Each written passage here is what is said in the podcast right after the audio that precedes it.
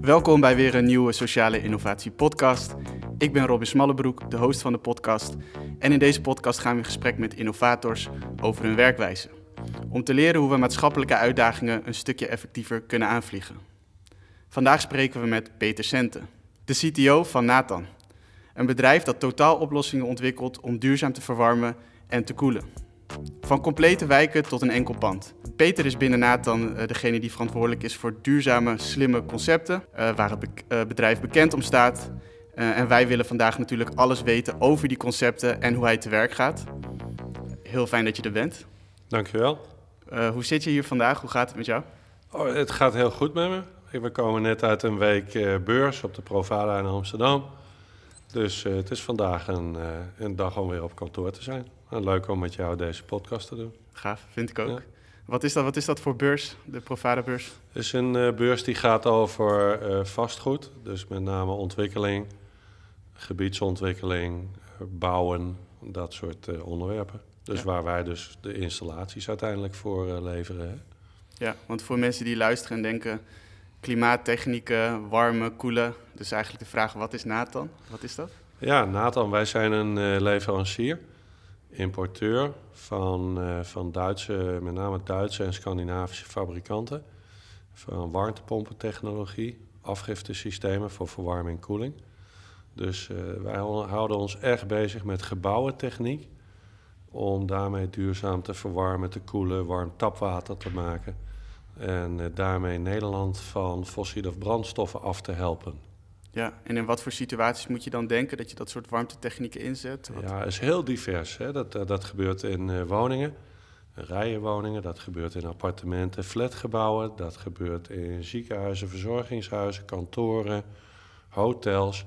Dus eigenlijk alles wat gebouwd wordt en waar mensen in leven en verblijven en werken, daar, uh, daar hebben wij technologieën voor om dat op een duurzame wijze te doen.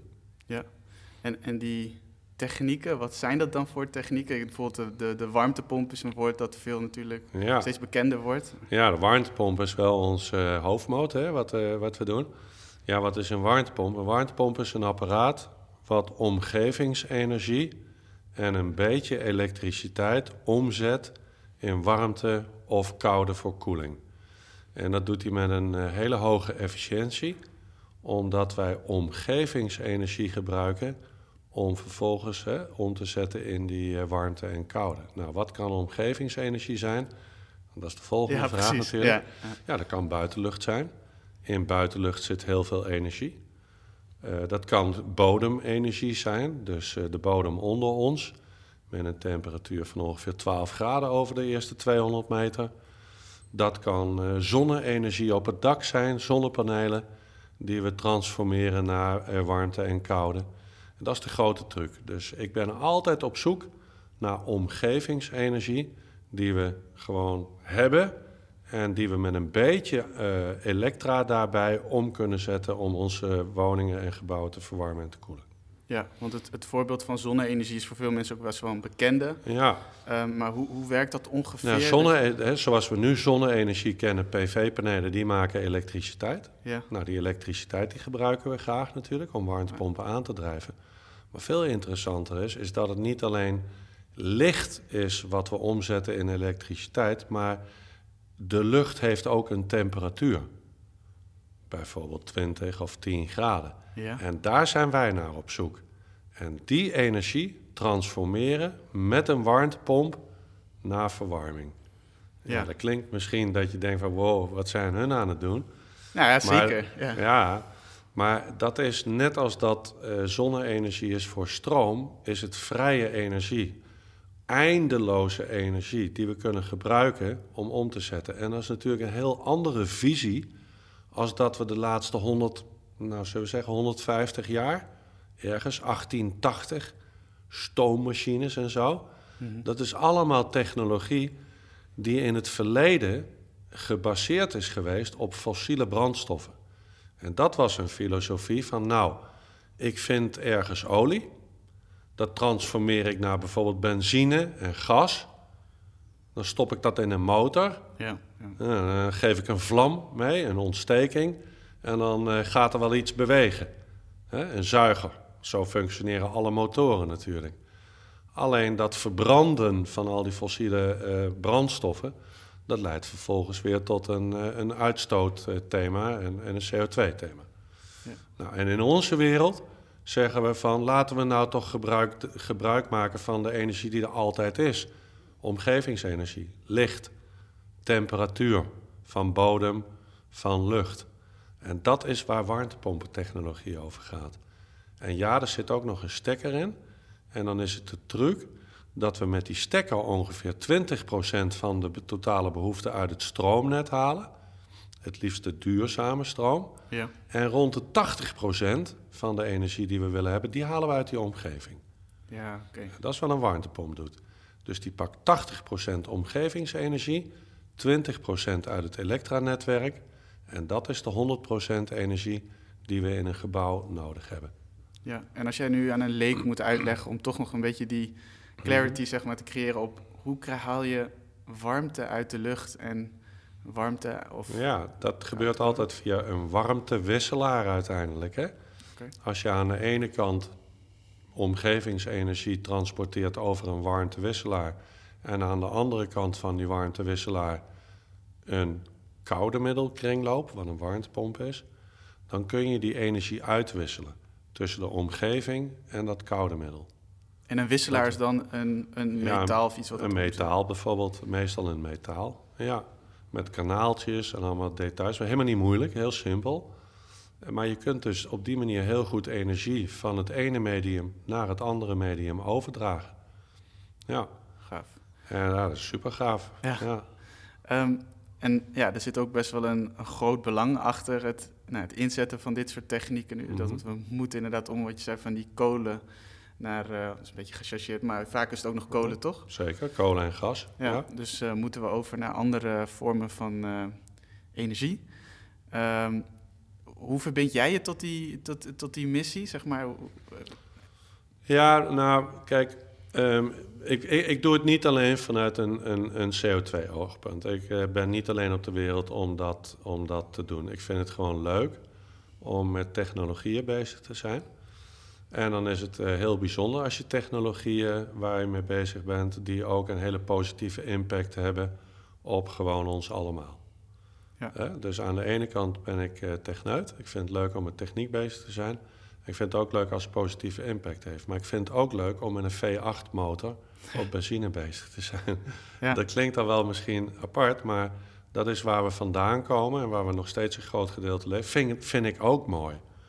Dus ik probeer toch altijd mijn interesse eh, in de techniek te vinden. En dan is het special als je daarmee hele goede dingen doet. Ja. Maar ik ga ook niet bezwijken voor een mooie V8-motor, want daar hou ik ook van. Ja, ik, ik vind het wel een, een mooie gebalanceerde kijk ook op dingen. Dat je begint van je eigen... We hadden het daar net heel kort ook voor de podcast heel even over. Dat je zei Mhm. van ja, begin dan met iets waar je interesse ligt, wat je leuk vindt. En dan vanuit daar kun je... Ja, maar dat, dat vind ik, ja, volgens mij is dat de basis van alles wat je als mens zou moeten doen. Klinkt misschien heel logisch, maar Ja. is het volgens mij niet altijd, toch? Nee, dat klopt. Maar je moet voor jezelf misschien ervoor zorgen dat je niet gedwongen wordt in een hoek waar je terechtkomt wat je niet leuk vindt. Je hebt het zelf in de hand Ja. om, je, om je werkzaamheden daar te doen waar je het zelf eh, het leukste vindt. Dat, daar geloof ik echt in, dat heb je echt zelf in de hand. Gaaf. Ja. Ehm, ja, jij bent de CTO van dit bedrijf. Wat betekent het om hier CTO te zijn? Tja, dan, ben je een beetje manus van alles. En dan praat je met je mensen en met de fabrikanten hè, die wij eh, eh, vertegenwoordigen over technologische ontwikkelingen in eh, systemen. En die probeer je te ontwikkelen. Daarna probeer je ze te standaardiseren, zodat ze voor iedereen toepasbaar worden, hè, voor onze klanten. En vervolgens ga je ze monitoren en dan ga je ze fine-tunen. En ondertussen ben je alweer bezig met de volgende stap van waar staan we over drie jaar. Ja. Dus ja, je bent constant dan eh, bezig met het ontwikkelen van nieuwe technieken voor verwarming en koeling. Klinkt als innovatie. Dat is innovatie. Ja. Ja. ja. En ehm, als je een voorbeeld zou moeten geven van zo'n systeem, want jullie gebruiken dus ook uh, verschillende partners om systemen in elkaar te zetten. Uh, hier beneden is ook een super indrukwekkende soort open hal met allerlei technieken. Ja, het is in deze industrie natuurlijk gelijk heel groot ook. Uh, dus die zie je allemaal daar in display. Um, kan je daar een voorbeeld van geven, wat zo'n systeem dan ja, is? Ja, kijk, je, je, moet je voorstellen, um, de fabrikanten die bouwen vooral producten. Ja. Maar in de installatietechniek, in de gebouwentechniek, zijn het allemaal producten die samengevoegd worden, die uiteindelijk een werkend systeem maken. Dus hè, we hebben bijvoorbeeld met Alpha Innotech en Uponor, eh, Metrotherm, typisch fabrikanten van producten. Een warmtepomp, een afgiftesysteem, een regeltechniek. En wij hier bij Nathan, wij maken er een totaal systeem van. Dat eigenlijk zijn wij een soort systeemintegrator. Wij praten met de fabrikanten van maak dat uh, product, maak dat. En dan is het onze kracht, dat is werkelijk waar Nathan voor staat, om er vervolgens naar de markt toe een kant-en-klaar systeem van te maken. Voor verwarming, koeling en warm tapwater en tegenwoordig ook ventilatie. Dus daar zit onze kracht. Ja. Mooi. En je zegt dus ook, jullie communiceren ook terug naar die fabrikanten. Ja, ja zeker. Omdat, kijk, die, die, die markten, bijvoorbeeld Nederland ten opzichte van Oostenrijk of Nederland ten opzichte van Duitsland, die markten die zijn toch wel anders in de wijze waarop gebouwd wordt en wat er gebouwd wordt. In Nederland zie je een hele sterke trend dat we alsmaar compacter, hoger, uh, stedelijker gaan bouwen. Weinig ruimte in de buitenstedelijke gebieden. Terwijl bijvoorbeeld die Duitsstalige landen, waar veel van die producten vandaan komen, heel, er, heel erg zitten op iedereen bouwt zijn eigen woning. Ja. Hè? Nou, dat betekent dat je heel andere producten moet ontwikkelen voor die typisch Nederlandse markt, die erg stedelijk is. Ja, nou, dus een hele andere afnemer. Een hele andere, nou, hele andere vraag uit de markt. Hm. Um, als dat uh, in de Duitsstalige landen is. Alhoewel die vraag wel steeds meer overlappend wordt nu in de transitie hoor. Want je ziet dus ook wel in de, in, bijvoorbeeld in Duitsland dat de ontwikkelingen binnenstedelijk mega zijn. Ook daar is men met een transitie bezig. En ook daar staan hele grote steden. En die moeten ook getransformeerd worden van met name fossiele brandstoffen naar een uh, nieuw uh, duurzaam alternatief. En, en wat zie je daar aan die transitie dat zo mega is? Zeg maar, dat je denkt, ja, ook daar is de infrastructuur binnenstedelijk toch heel vaak uh, aardgas. Ja. Um, en ja, daar speelt de politiek op dit moment een nog grotere rol uh, in, in het verhaal Oekraïne-Rusland. Dus daar wordt nog meer versneld nu een transitie ingegaan, waar ze al in zaten. Dus de steden die komen daar nu ook aan bod. En die waren tot nu toe niet in beeld. Het zat vooral op die particulier die een huis heeft, waar de transitie eh, plaatsvond. Dus ja, dat is wel heel interessant. En in Nederland praten we daar natuurlijk ook over. De grote opgave is, hoe gaan we de binnenstedelijke gebieden transformeren? Want dat is voor 95% of meer aardgas. Dat moet je me even uitleggen, die uitdaging die we dus hebben in. Ja, precies. Ja, dat is een heel interessante vraag die je daar stelt. Want we hebben echt het vermoeden dat de overheid dat nog niet helemaal door heeft. Maar Luister ook wat mensen van de overheid, weet ik. Uh... Ja, nou, heel mooi. Kijk, in de energietransitie op dit moment in het, uh, in het gebied verwarmen en tapwater, wat toch wel een heel groot percentage is van uiteindelijk het verbruik van fossiele brandstoffen. Uh, daar praten we over een transitie van aardgas naar iets anders. Maar dan praat je dus over een infrastructuur waar je mogelijkerwijze afscheid van gaat nemen. En dan is de volgende vraag: wat komt daar dan voor in de plaats? Nou, dan zegt men bijvoorbeeld warmtepompen. Maar die kunnen alleen maar functioneren als er een infrastructuur is. Omdat en die je die 20% in energie Ja, dat is de ene. Die 20% elektriciteit, dat is de ene. Ja. Maar die 80%, dat is de vraag waarover het gaat. Waar haal ik die omgevingsenergie vandaan? En als je dat bijvoorbeeld in stedelijke omgevingen wil doen, ja, dan zou je kunnen zeggen, dan hangen we overal lucht, water, warmtepompen neer. Airco-units, hè? die ken je wel, die je tegen de gevel ja. aanhangt. Nou, lijkt me geen, geen toekomstperspectief voor heel veel uh, binnenstedelijke omgevingen. Hè. Dan praat je over geluid, van hoe ziet het eruit. Dat wordt hem niet. Maar wat dan wel? Ja, dan heeft een warmtepomp omgevingsenergie nodig. En waar haal ik die vandaan? En in onze visie betekent dat een aanpassing in je infrastructuur. Want dan zul je naast je elektrische infrastructuur, waar nu al op geïnvesteerd wordt, maar nog veel sterker moet worden, zul je in tweede infrastructuur moeten aanleggen. Bijvoorbeeld water. He, leg dat eens uit. Hoe, werkt, hoe speelt water hier een rol? Nou, water is een uh, energiedrager waar wij met name met warmtepompentechniek die 80% energie uithalen, bodemenergie. Maar dat kun je ook heel grootschalig neerleggen. Als jij twee buizen met 12 graden water door een woonwijk heen legt, kan een warmtepomp daar zijn energie uithalen en daarmee verwarmen. Of hij kan zijn energie eraan leveren en daarmee koelen. Nou, die visie, dat als we de transitie doorzetten op grote schaal, dan praten we over infrastructuur. Ja. Dan praten we niet over warmtepompen, die zijn een onderdeel van het plan, maar die kunnen alleen maar werken als er infrastructuur, dus in de straten gemaakt wordt, waar dat soort systemen op kunnen functioneren. Ja. En, en hoe ziet zo'n uh, uitdaging er dan uit? Want dan, uh, dan, dan ziet hij er zo uit dat je als overheid bijvoorbeeld niet kunt zeggen: Nou, we geven heel veel subsidie en uh, we geven het aan de markt en veel succes. Hm. Dat betekent dan dat je als overheid de leiding moet nemen in het infrastructuurvraagstuk. En dat betekent dat je er eh, echt bezig mee moet zijn.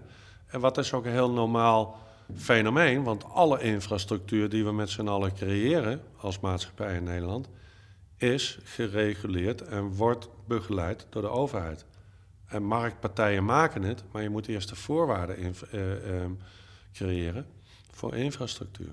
Ja. Nou, en die visie met we gaan van het gas af die is nog niet helemaal uh, bij iedereen doorgedrongen. Dat je dan echt niet alleen maar over de elektrische infrastructuur praat, maar dat je er nog iets bij zult moeten verzinnen. Zoals dat water? Bijvoorbeeld, ja. En, en, en wat voor rol kan je hier als Nathan daarin spelen om te zorgen dat zoiets... Ja, je, je nou, het nu al. Nou ja, goed, uh, we, we, doen al projecten in een nieuwbouwsituatie... Hè, uh, die al natuurlijk een jaar of wat is het, drie tot vier gasloos is. Daar zie je dat er heel veel innovatie in een hele korte termijn heeft plaatsgevonden. En dat we dat soort systemen al grootschalig maken. Ook nou, die infrastructuur? Ja, zeker. Ja, ja, ja, En die visie die zou je nu kunnen gaan transformeren naar de bestaande bouw. Want, want dat kan gewoon. Um, en, en ja, dan wordt het heel interessant. Als we dat met z'n allen op die manier oppakken, dan kunnen we slagen maken. En bestaande bouw, dan gaat het over de grote bouwpartijen? Nee, de Nederland gaat het dan. Over meer dan 7 miljoen wooneenheden. Die we, als we dat tenminste willen, van gas af willen hebben. Van, nou, van, gas, van een fossiele brandstof af willen hebben. Mhm. Naar iets anders. Waardoor we die CO2-uitstoot eh, niet meer hebben of drastisch reduceren. Ja, en, en hoe zorg je dan of hoe vlieg je dat dan aan? Want nu zeg je dus ook van in bepaalde nieuwbouwprojecten hebben jullie dan ook de infrastructuur dus aangepast, zodat je de, het kan installeren, die mm warmtepompen. Mhm. Ehm, maar hoe vlieg je dat aan op grote schaal? Zeg maar? ja, Worden jullie dan gewoon steeds groter? Of nou, er zit niks anders op. Ja. Hè? Om de markt bij te houden, uh, zul je steeds groter moeten worden. Dat is ook uh, hartstikke mooi. Mhm. Maar wat je zult zien is dat dan uh, toch masterplannen, en die worden nu wel gemaakt en zijn gemaakt, regionale energiestrategieën hè, voor de energietransitie. Maar nu gaan we de fase in dat we de praktijk in moeten. En plannen maken is mooi op papier en theorie en zo. Maar nu komt de praktijkfase en die is altijd weer barstiger dan de papierfase. En daar gaan we nu dus uh, in in die praktijkfase. We gaan nu die plannen implementeren en we zijn ze aan het uitwerken met z'n allen van hoe dan? Hoe dan in de praktijk? Nou ja, dat zijn nog wel wat uitdagingen. Hoe zorg je dat je effectief bent van een fase van dingen op papier schrijven naar een fase van. Ja, ik zeg altijd, daar komt het op bestuurskunst aan. Dus creëer de voorwaarden zodat we daarmee aan de gang kunnen met z'n allen. En daarna ingenieurskunst. Daarna ingenieurskunst. Dus dan eerst die bestuurskunst kunst. Wat, ja. wat is in dit geval dan bestuurskunst? Nou ja, als je het over infrastructuur hebt, hè, waar ik het over heb, dan is, vind ik dat bestuurskunst. Dus creëer de mogelijkheden van vergunningen, beleid, eh, visie. En de ingenieurs doen hun werk wel met hoe ziet zo'n systeem er dan uit. Ja. ja. En hoe, want dan heb je natuurlijk ook altijd het, uh, ja, de, zeggen, het klagen dan over de overheid. Dat ook heel logisch is, want dan worden er plannen gemaakt. En dat zie je overal. Dan worden er grote voorwaarden gesteld vanuit het bestuur. En dat blijkt dan toch niet te zijn wat de markt wil. Hoe, hoe zorg je dat dat, ja, dat goed loopt? Alleen maar door met elkaar samen te werken. En door met elkaar uh, te spreken en te delen. En niet uh, alleen eerst een ambtelijk apparaat uh, laten gaan, maar ook niet eerst alleen techneuten. Het is een samenspel van allemaal mensen. Maar het is ook, is ook niet zo special, want alle infrastructuur ontstaat zo. Hè? Ja. De snelwegen hebben we ooit gebouwd, uh, het rioleringsstelsel, de waterleidingen, de vaarwegen, noem het maar op. Het is een samenspel van z'n allen. Het enige wat ik stel is, misschien zijn we wat te laat met het beseffen van het feit dat we in de energietransitie vooral over een infrastructuurtransitie praten. Hmm. En die geldt voor ons elektriciteitsnetwerk. Dat zien we nu in de praktijk. Hè? De congestie waar het nu over gaat. Van oh jeetje, we kunnen niet uitbreiden of we kunnen niet meer stroom leveren of niet veel meer afnemen. Ja, dat is natuurlijk een beetje jammer als je weet dat je een transitie al ingegaan bent en dat die infrastructuur aangepast zal moeten worden. Ja. Maar dat, daar moet je ook niet over zeuren dan. Dan moet je gewoon met elkaar vervolgens aanpakken en zeggen: Oké, nou weten we wel wat het is, laten we aan de gang gaan. Ja, en uh, nou ja, jullie ontwikkelen dan dus complete systemen die dan voor die gebouwen, vertel je net, uh, nou, compact genoeg zijn dat, en effectief genoeg zijn. Mhm. Maar dus ook uh, breiden jullie dan uit naar infrastructuur. Dus jullie gaan dan ook steeds verder mee in die, die ontwikkeling. Hoe ziet dat um, proces er hier uit? Want je vertelde net al iets over van, nou ja, wij hebben hier een soort proces waarbij je dan eerst monitort en dan implementeert. Uh, en ergens zeg je net ook van, ja, ook gewoon met elkaar in gesprek gaan. Maar ik ben ook een beetje op zoek naar van, wat is het vernuft? Want dit is uh, duidelijk ook een bedrijf dat het heel goed weet te doen. En ik snap dat als ergens iets heel goed gaat, dan is het vaak ook nou, vanzelfsprekend is misschien slecht om te zeggen, maar wordt het in ieder geval iets meer iets wat er altijd is. Dus dan zie je het minder goed, dat je het goed doet. Maar wat gebeurt hier heel goed in dat ontwikkelproces? Ja, kijk, het begint altijd klein. Zo'n ontwikkeling, hè, van, van laten we zo'n warmtepompsysteem nemen waar we over het hebben. Ja. Bijvoorbeeld een warmtepompsysteem met bodemenergie. We maken boringen 100 meter diep in de aarde een warmtepomp. En vervolgens met die warmtepomp maken we heel efficiënt verwarming, koeling en warm tapwater. Ja. Dat begint in een woning. Nou, daar doe je dan een paar jaar over. En dan ga je fine-tunen en dan maak je het steeds verfijnder en steeds makkelijker te bedienen voor de, voor de mensen die er uh, in die woningen wonen. Dat heb ontwikkeling nodig. En dat je alsmaar aan het fine-tunen. Op een gegeven moment komt er iemand die zegt: Ja, maar nou heb ik uh, eh, 200 van die woningen bij elkaar. Nou, dan ga je daar weer over nadenken. Oké, hoe gaan we dat dan doen? Nou, dan maak je 200 keer één woning. En later denk je van, hm, heb ik dat nou goed gedaan? Zouden we niet uh, voor al die woningen één bronsysteem maken, één bodemenergiesysteem, zodat we alles aan elkaar koppelen? Dan is het een eenheid geworden. Nou, dan heb je daar weer een paar jaar voor nodig. En dan komt er iemand langs en die zegt van, nou heb ik een woontoren hier in Rotterdam en die is 150 eh, meter hoog, daar wil ik ook zo'n systeem in hebben. Ja, zei oké, ja, ja, dan moet die bronnen er weer anders uitzien, die warmtepompen moeten compacter. En zo ontwikkelt dat dus vanuit iets wat heel klein begint, kan dat steeds groter worden. Maar de basis blijft altijd hetzelfde. Ja, en, daar, hè, en, en dat is wel wat wij doen. Rondom die basis ga je die schil alsmaar vergroten, opschalen in technologie die je seriematiger kunt maken. De fabrieken moeten dan mee opschalen om die moeten kunnen produceren. Ja, en zo, zo, zo, doe je dat eigenlijk. Ja. Dus iets wat heel klein begint, kan altijd enorme vormen aannemen. Ja. En daar moet je dan ook voor openstaan en dat is de uitdaging. Ja.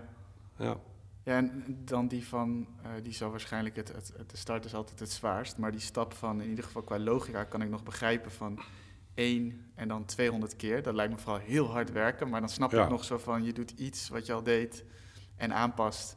in één keer 200 keer. En daarna maakte hij een stap van, en dat heb ik ook wel eens gelezen, want ik heb natuurlijk een beetje ingelezen in eh, eh, artikelen dat je ook aangaf van, daarna werd het een soort van één bron. Dus ze dachten van, oké, we gaan niet meer op elk huis één bron doen, maar we doen dat voor een, een wijk, uh, stel Ja. je dan voor. Die stap, die lijkt me eh, groot. Of is dat niet zo? Ja, die is groot.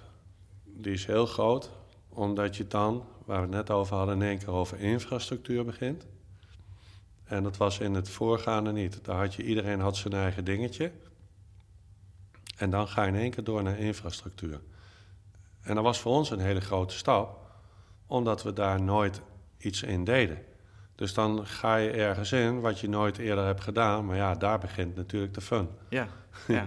Fun, En- maar ook vernuftigheid, toch? Ja, Dat is tuurlijk. ook- En, dan- en, en, en wat je dan gewoon moet doen, is dan ga je samenwerkingsverbanden aan met mensen die dat wellicht al een keer hebben gedaan. Misschien met iets anders, maar hè, je, je moet het allemaal niet alleen gaan bedenken. Dan ga je dus om je heen mensen zoeken en bedrijven en, en, en organisaties die dan zeggen van nee, maar dat weten wij wel en dan denken we er zo over, zo over. Dus zo ga je je schil weer om je bedrijf vergroten met samenwerkingsverbanden. Want daar geloven wij hierin. Wij kunnen alleen helemaal niks. En dan maak je weer eh, eh, nieuwe business en nieuwe technieken. En dan ga je met je bedrijf weer groeien. En zo gaat dat maar door. Ja. Ja. Dus ergens, Maar daarbij zeggen we wel, je hoort wat ik zeg, om onze schil heen ja. breiden we altijd uit. We gaan niet nou in één keer een schoenenfabriek beginnen of zo, hè? ja, precies. Begrijp je? Je Wij wat je goed doet. Ja, daar geloven wij wel in. En in de, in de installatietechniek kun je dan heel ver gaan. Want het is zo eindeloos wat er dan aan eh, mogelijkheden gecreëerd kan worden. Ja. Ja. En eh, ja, ik vind het best fascinerend dat je dus ook, wanneer ik iets in mijn hoofd in zo'n vraag een hele grote stap maakt, dan zeg je eigenlijk van nee, breek hem op. Dat zijn allemaal aparte samenwerkingen en weer Ja. kleine stapjes daar tussenin. Ehm, toch nog één keer de doorvraag, als je dan met zo'n partner aan de slag gaat, lijkt me dat ook wel een uitdaging. Om dan weer zeg maar, op elkaar af te stemmen of hoe, zie jij Nee. dat? Nee, dat is mensenwerk. Ja. Dat is echt mensenwerk.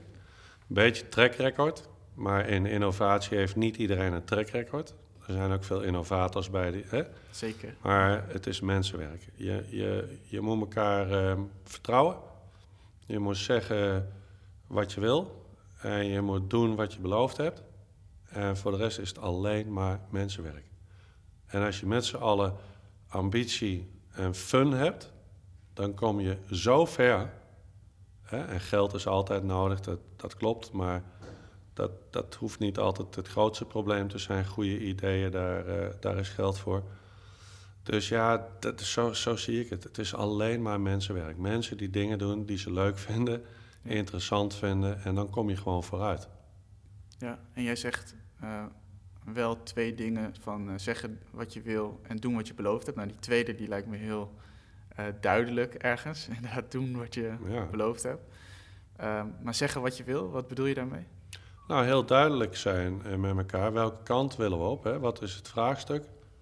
Wat voor rol wil ik erin spelen? Wat kunnen jullie erin spelen? Hoe kunnen we dat samen tot een eh, succes maken?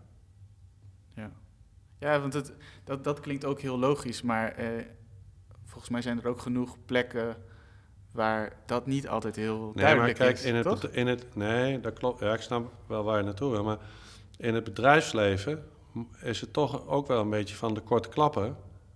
En, en niet lullen, maar poetsen. Ja. Begrijp je? En dus kom je al heel snel to the point en zeg, nou oké, dit, dat, wat willen we? Ja, oké, nou dan gaan we die kant op. En dan ben je ondernemer om te zeggen, ik, ik geef er een klap op en we gaan ervoor. Ja. Dat. Ja, want hier zitten mensen die, zoals jullie hebben dit, nou, het is een familiebedrijf en eh, uiteindelijk hebben jullie het met een eh, groepje verteld. Inet was de CEO Wolf ook nog even. Ja. Jullie hebben dit samen echt, nou, al jaren zijn jullie dit bedrijf aan het laten groeien. Ja. Ehm, eh, ja, jullie zijn ondernemers, dus dat is heel iets anders dan bijvoorbeeld organisaties, dan waar je dat misschien niet helemaal samen hebt opgebouwd. En, Nee, dat, daar gaat dat ook waarschijnlijk niet, hè, op die manier werken. Ja. Maar daarom doen wij wat wij doen, omdat we zo als mensen in elkaar zitten, Ja. ondernemen. Overleggen, een klap erop en gaan. Nou, ik denk dat dit al best wel, misschien dat dat je het ook een logisch iets vindt. Maar ik denk dat voor heel veel mensen dit al een soort van helderheid geeft over een bepaalde, ja, van een lelijk woord, maar mindset, zeg maar, die je dan hebt. een bepaalde nuchterheid, directheid, ja. die volgens mij heel gezond is dan. Ja, daar kom je een heel eind mee met z'n allen. Maar ik kan niet zeggen van dat zou je in andere, andere branches ook moeten doen of zo. Want misschien past dat wel niet. Maar hmm. in zo'n bedrijven zoals wij zijn, hè, zo technisch georiënteerde bedrijven, daar, daar werkt het uh, toch wel vaak zo. Ja. ja. Um, nou, je vertelde net ook iets over verschillende uitdagingen. Dus het is. Uh, nou, je vertelde uiteindelijk kwamen volgens mij een toren in Rotterdam waarin het compacter werd en dat je ook omhoog moest. Als je nu kijkt, je vertelde net ook al iets over de infrastructuur. Um, als je nu kijkt naar de uitdaging om, nou ja, het kan het zijn nog efficiënter of nog effectiever te maken, wat, wat ligt er dan allemaal? Nou, de uitdaging nu is toch wel die grootschaligheid ja. van, de, van de energietransitie. Kijk, die nieuwbouw in Nederland, uh, daar praat je ja, iets van 70.000 woningen, appartementen per jaar hè, worden gebouwd. Mm en de behoefte is 100.000. Dat zijn van die getallen die zo in de hele bouwbranche uh, aanwezig zijn. Maar dat is natuurlijk staat in het niet bij de opgave die er is voor de bestaande bouw. Ja. En, en de snelheid waarmee dat zal moeten gebeuren, omdat wij ons als maatschappij daar een agenda voor hebben opgelegd tot 2030, 40, 50. Ja, als je dan nadenkt over, jeetje mina, maar dat is een opgave dan is dat de grote uitdaging voor ons van hoe kunnen wij daar een rol in spelen, zodat wij eh, concepten brengen waarvan eh, de markt gaat zeggen, hé, hey, die zijn interessant om voor dat vraagstuk eh, toe te passen. En wat is dan bijvoorbeeld nu een concept waarmee jij aan het spelen bent? Ja, collectieve bodemenergie als basis. In combinatie met allerlei warmtebronnen, gebaseerd vooral op buitenlucht, licht en temperatuur die in een infrastructuur te stoppen waar vervolgens in woningen en alle soorten van gebouwen een warmtepomp een rol kan spelen om die energie te transformeren naar verwarming en koeling. Dat, dat is ons grootste uh, vraagstuk op dit moment.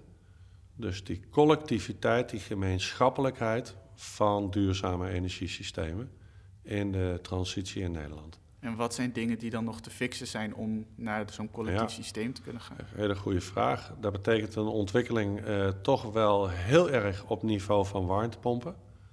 Omdat die op dit moment daarvoor nog niet optimaal zijn uitgerust, naar mijn mening. Dat heeft met connectiviteit te maken. Dat heeft met compactheid van uh, dat soort systemen te maken. Dat heeft ook een stuk met hoe bouw je ze en prijsvorming uh, te maken.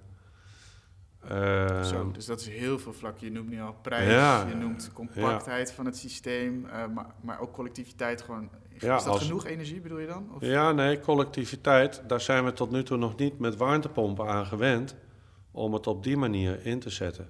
Hè, het is toch veel allemaal uh, decentraal, dus huis voor huis, gebouw voor gebouw. Ja. Nou, daar zit voor de energietransitie geen toekomst als je zo denkt. Het moet een collectiviteit zijn. En um, ja, daar zitten op dit moment onze grootste ontwikkelvraagstukken wel hoor. Ja. ja. En, en ook het, het, het smart zijn, het regelbaar zijn, het aanstuurbaar zijn, het uitleesbaar zijn van die apparatuur voor de bedrijven die daar uiteindelijk onderhoud, beheer en misschien exploitatie voor doen. Uh, dat, dat is ook een heel belangrijk thema. Waarom is dat zo belangrijk? Ja, daarmee kun je kosten reduceren. Hè? We willen niet apparatuur installeren waar we vervolgens ieder jaar naartoe moeten. Of wanneer er een keer wat aan de hand is waar een busje naartoe moet rijden. We willen dat op afstand van tevoren weten of er wat is. We willen op afstand de efficiëntie van die apparatuur kunnen meten en bijsturen. Dat soort dingen. Wauw. Ja, ja, ja. ja het, is, een enorme klus. Um, um, als je een van die uh, bijvoorbeeld als je het hebt over de kosten reduceren. Ik weet ook nog dat toen we elkaar eventjes kort spraken voor, uh, nou, voor deze podcast uh, aan de telefoon, een aantal weken geleden, toen gaf je ook al aan die kosten, dat is, een, dat is een, wel een belangrijk ding. Um, wat, ja, hoe ziet Nou dat eruit? kijk, de allereerste industrie, hè, wie apparaten bouwt, die kijkt natuurlijk naar industrialisatie van een proces. Nou, maar eh, dat doen ze al 100, eh, Tuurlijk, 150 jaar. Wat volgens ons een heel belangrijk gaat, thema gaat worden in dit vraagstuk, hoe kom ik aan mijn materialen? En daar zullen de fabrikanten echt versneld moeten opschalen naar het hergebruiken, het terugnemen van hun materialen. Kringlopen gaan produceren, voor, voor producten gaan eh, maken. Omdat wanneer we op deze toer blijven produceren van alsmaar nieuwe grondstoffen aanwenden om productie eh, te maken, dat, dat wordt hem natuurlijk niet Waarom wordt dat hem niet? omdat die grondstoffen vreselijk duur zijn en nog meer worden. En omdat ze niet eindeloos zijn. En ehm, daar, daar, dat geldt voor alle industrie hoor. Dat geldt ook voor automobiel, dat geldt voor witgoed, noem het maar op. Het hergebruik, het kringloop eh, bestendig maken van je producten, daar, eh, daar moet echt wat gebeuren. Dat is niet alleen En- duurzaam, dat is ook Ja, eh, en dat zit echt nog lang niet in bijvoorbeeld eh, producten voor de installatietechniek. Heel minimaal, heel minimaal. Wat, wat maakt dat, dat het er nog niet in zit? Als het ook economisch Omdat we ermee wegkomen om ze tot nu toe vanaf nul iedere keer weer opnieuw te bouwen. En ze dan weg te donderen. Ja, Dus dat. En, eh, en, en is dat ook een, eh, een uitdaging? Past dat binnen de schillen van Nathan? Of heb je Zullen wel, we, we, we, we, we zullen wel moeten om daar met onze fabrikanten heel intensief over na te denken. Dat hoort gewoon bij je ondernemen. Eh, dat is een mindset die we moeten creëren in de hele branche. Dat we er echt nog meer mee bezig zullen moeten zijn. en als je daar nu met die fabrikanten over praat, wat is dan... Wat, wat Als ik, maakt er op, zo als lastig? ik er op dit moment over praat, Ja. nu, Ja. dan hebben we het alleen maar over hoe krijg ik mijn producten. De schaarste van eh, producten speelt een grote rol. En dan met name in bepaalde producten die dan weer heel erg toegepast worden in die energietransitie. Denk aan eh, ventilatoren. Eh, het koelen van batterijen, het inzetten in warmtepompen. Dus niet over de grondstof gaat het dan, maar over het product Ja, waar dat het in gaat bestaat. over de producten daar. Grondstoffen speelt altijd een rol hoor. Oké, Maar op dit moment gaat het over die producten. Maar er is ook geen enkel systeem om die spullen weer terug te halen en, en opnieuw te gebruiken. Of weet je, dat. Nou, dus nu gaat het over het beschikbaar zijn van. Eh, maar eigenlijk hebben we het over van hoe kan dat probleem nou eigenlijk ontstaan. ja. Wauw. En eh, ehm, dat gesp- gesprek gaat dus nu over producten. En op het moment dat je het dan over het recyclen hebt van producten... ehm, zit daar dan een opening in? Zie je daar kansen? Of, Ja, nee, Is dat- dat is niet of of wat dan ook. dat is helemaal geen vraagstuk. Als je dat vraagstuk nu nog gaat stellen, dan stel je al jezelf al de, de verkeerde vraag. Het gaat er echt over hoe krijg ik mijn eigen kringloop Hmm. onder controle. Ja. Daar gaat het over, omdat je anders, als je het niet doet, val je gewoon zometeen af. Dus als je maar blijft werken op een manier, ik begin altijd weer vanaf nul spullen te maken en eh, daarna denk ik van ja, het zal mijn tijd wel duren, dat gaat niet lukken. Ja. ja, ergens word ik hier ook heel blij van. Want het betekent dat er voor dit soort processen... dus nu een hele duidelijke economische incentive is om dit gewoon te gaan doen. Ja, dat is, ja, dat is een gigantisch eh, verhaal. Ja. Ja. En ehm, nou, dan, zeg je de, dan pas ik mijn vraag aan, want dan is de vraag meer hoe doe je dat dan? Eh, want je zegt ophalen, maar ophalen klinkt. ehm, ja, klinkt Nou, hoe doe je dat dan? Eh, Je zult uiteindelijk de verantwoording moeten nemen voor je eigen producten. Dus kijk, nou, eh, als je een koelkast koopt of een warmtepomp, dan als fabrikant zeg je ja, een verwijderingsbijdrage, hè, dat betaal je als consument. En wij betalen, maar dat betaalt de klant ook een soort van verwijderingsbijdrage. Dat is als een soort afkooppremie van eh, zoek het maar lekker uit. Ja. Met, met mijn spullen na het eind van een levensduur. Dat is wat het is. Wegwerpmaatschappij. En als fabrikant heb je daar geen enkele verantwoording in, want je koopt hem af. Hm. Nou, dat systeem, ik denk dat het heel snel moet en gaat veranderen.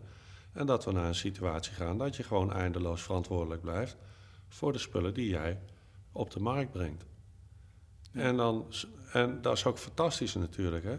Maar moet je eens nagaan wat een kansen dat creëert om bij je eigen producten betrokken te blijven. Ja, want je creëert eigenlijk ook een soort recht op die Ja, grondstoffen. dat is toch, gew- is toch geweldig? Ja, Nou, Ja. En, en oh, dat vind ik zo'n gaaf eh, vraagstuk. Wij zijn geen warmtepompproducent als Natal, maar we zijn een onderdeel van de warmtepompproducent Alvenotech.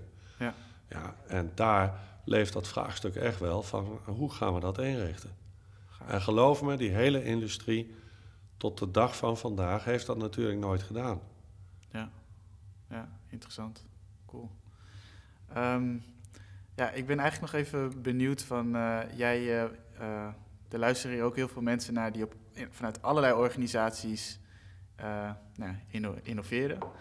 Ehm, jij hebt, een, vind ik, een hele mooie pragmatische blik er ook op en hoe je juist in samenwerkingen denkt.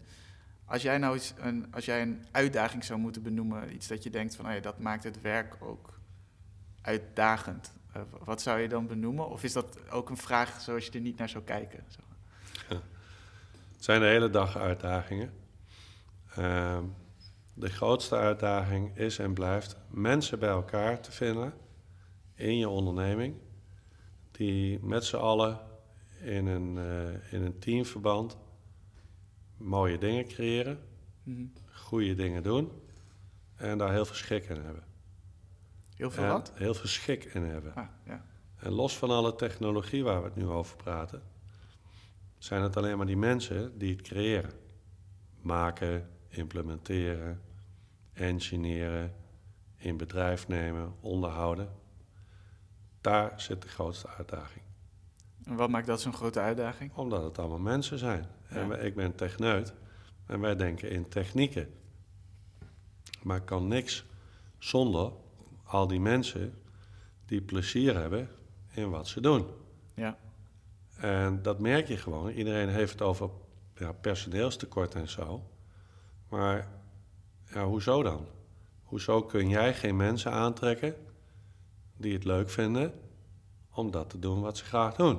ja, Nou, als je er zo naar kijkt, dan moet je daar heel erg druk mee bezig zijn, lijkt mij. ja, En dat vind ik echt ook een hele gave uitdaging. Een bedrijf te creëren met z'n allen, waar mensen dingen doen die ze mooi vinden en leuk vinden.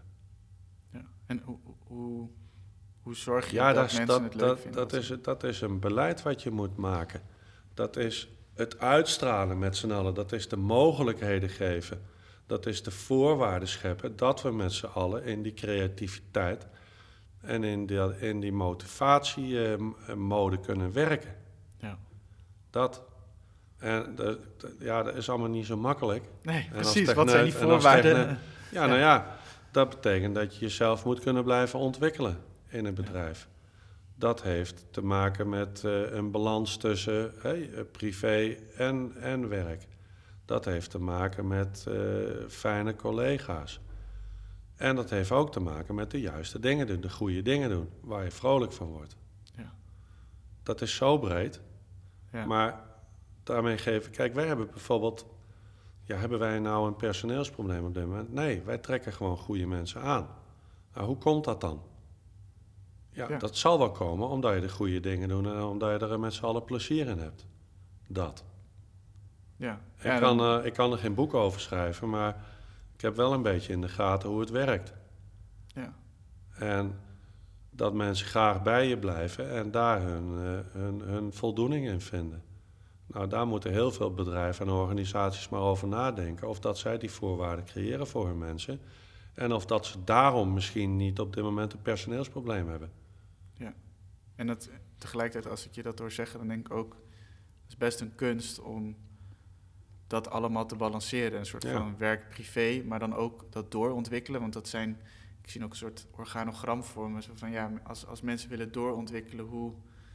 Ja, je wil ook een soort verdeling houden op het veld. Ja, maar dat is niet alleen, dat is niet alleen eh, high-tech eh, ingenieurs.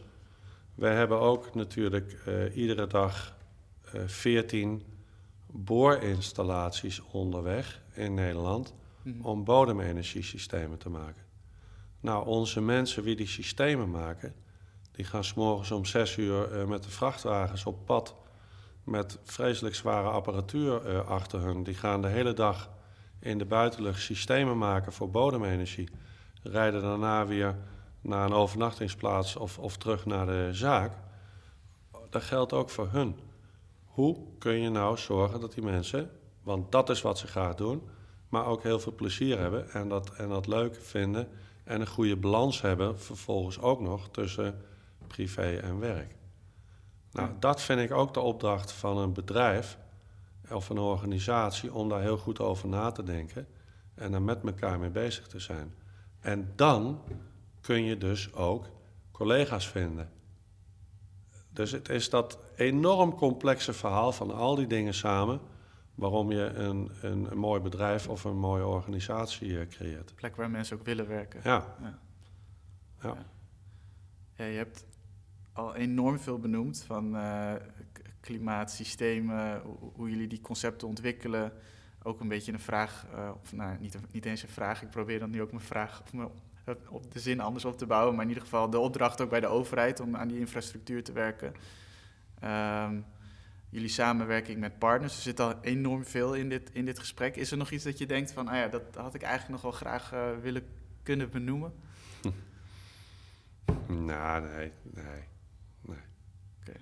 Ik, ja, ik vind het echt een uh, uh, super fijn gesprek, dus daar alvast bedankt voor. Ja, ja, ja. Um, ik heb altijd nog wel een afsluitende vraag, want dat oh. geeft mensen de kans om nog eventjes door te zoeken op nou ja, dingen die je al hebt gedeeld of nou ja, misschien uh, ook met je meeneemt. Namelijk een must-read. Kan een artikel zijn, kan een boek zijn waarvan je denkt: oh ja, dat is echt leuk om. Kan heel werkgerelateerd zijn, kan ook net iets ernaast liggen. Um, het liefst ook een must-watch. Dus uh, ja, kan Netflix zijn, kan YouTube zijn, kan een, iets anders zijn. Um, en als je wil, uh, een favoriete jam. dus nog een muziek, iets wat mensen op kunnen zetten. Oké, een must-read.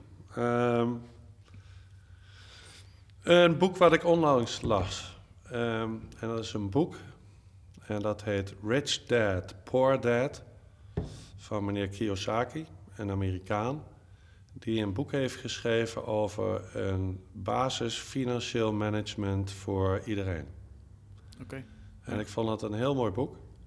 Omdat um, wij dat niet leren op school.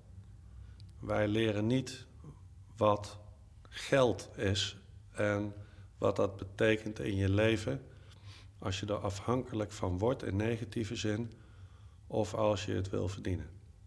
Ja. En het speelt toch een grote rol, hoe je het over bent of keert. En ik vond het een heel leuk boek geschreven door, uh, door uh, meneer Kiyosaki. Dus Rich Dad, Poor Dad kan ik je aanbevelen. Gaaf, ja. Herkenbaar trouwens ook, dat dit is, dit is iets wat ik van mijn partner, van een vriendin, zeg maar, heel erg heb geleerd door de jaren. Dat dit een heel belangrijk iets is. Ja. Uh, maar inderdaad niet iets wat zomaar je anders tegenkomt in je leven of zo. Dat nee, heel bijzonder dat we daar op uh, school niks over leren. Hè? Ja. ja. maar dat denk je ik wel was vaker, ook altijd, Met, ik was ook altijd druk met wiskunde, waar ik later geen kloten aan had. Ja. Maar ik had het graag uh, op school ook een beetje gehad. Van hoe zit het leven nou in elkaar als we het over de financiën hebben. Hè? Ja. Want dat is het onderwerp. Heel, heel leuk, heel interessant.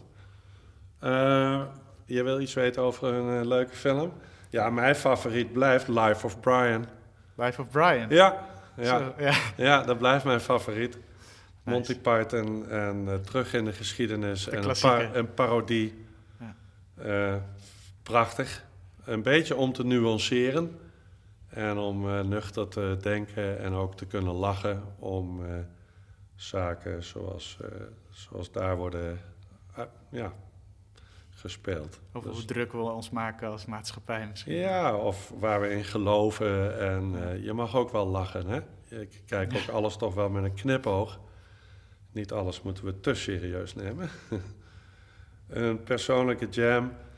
Nou ja, ik, uh, als ik in de auto zit en uh, ik rij en ik zet Spotify op, dan kom ik toch altijd in de country en western-achtige en de afgeleide daarvan.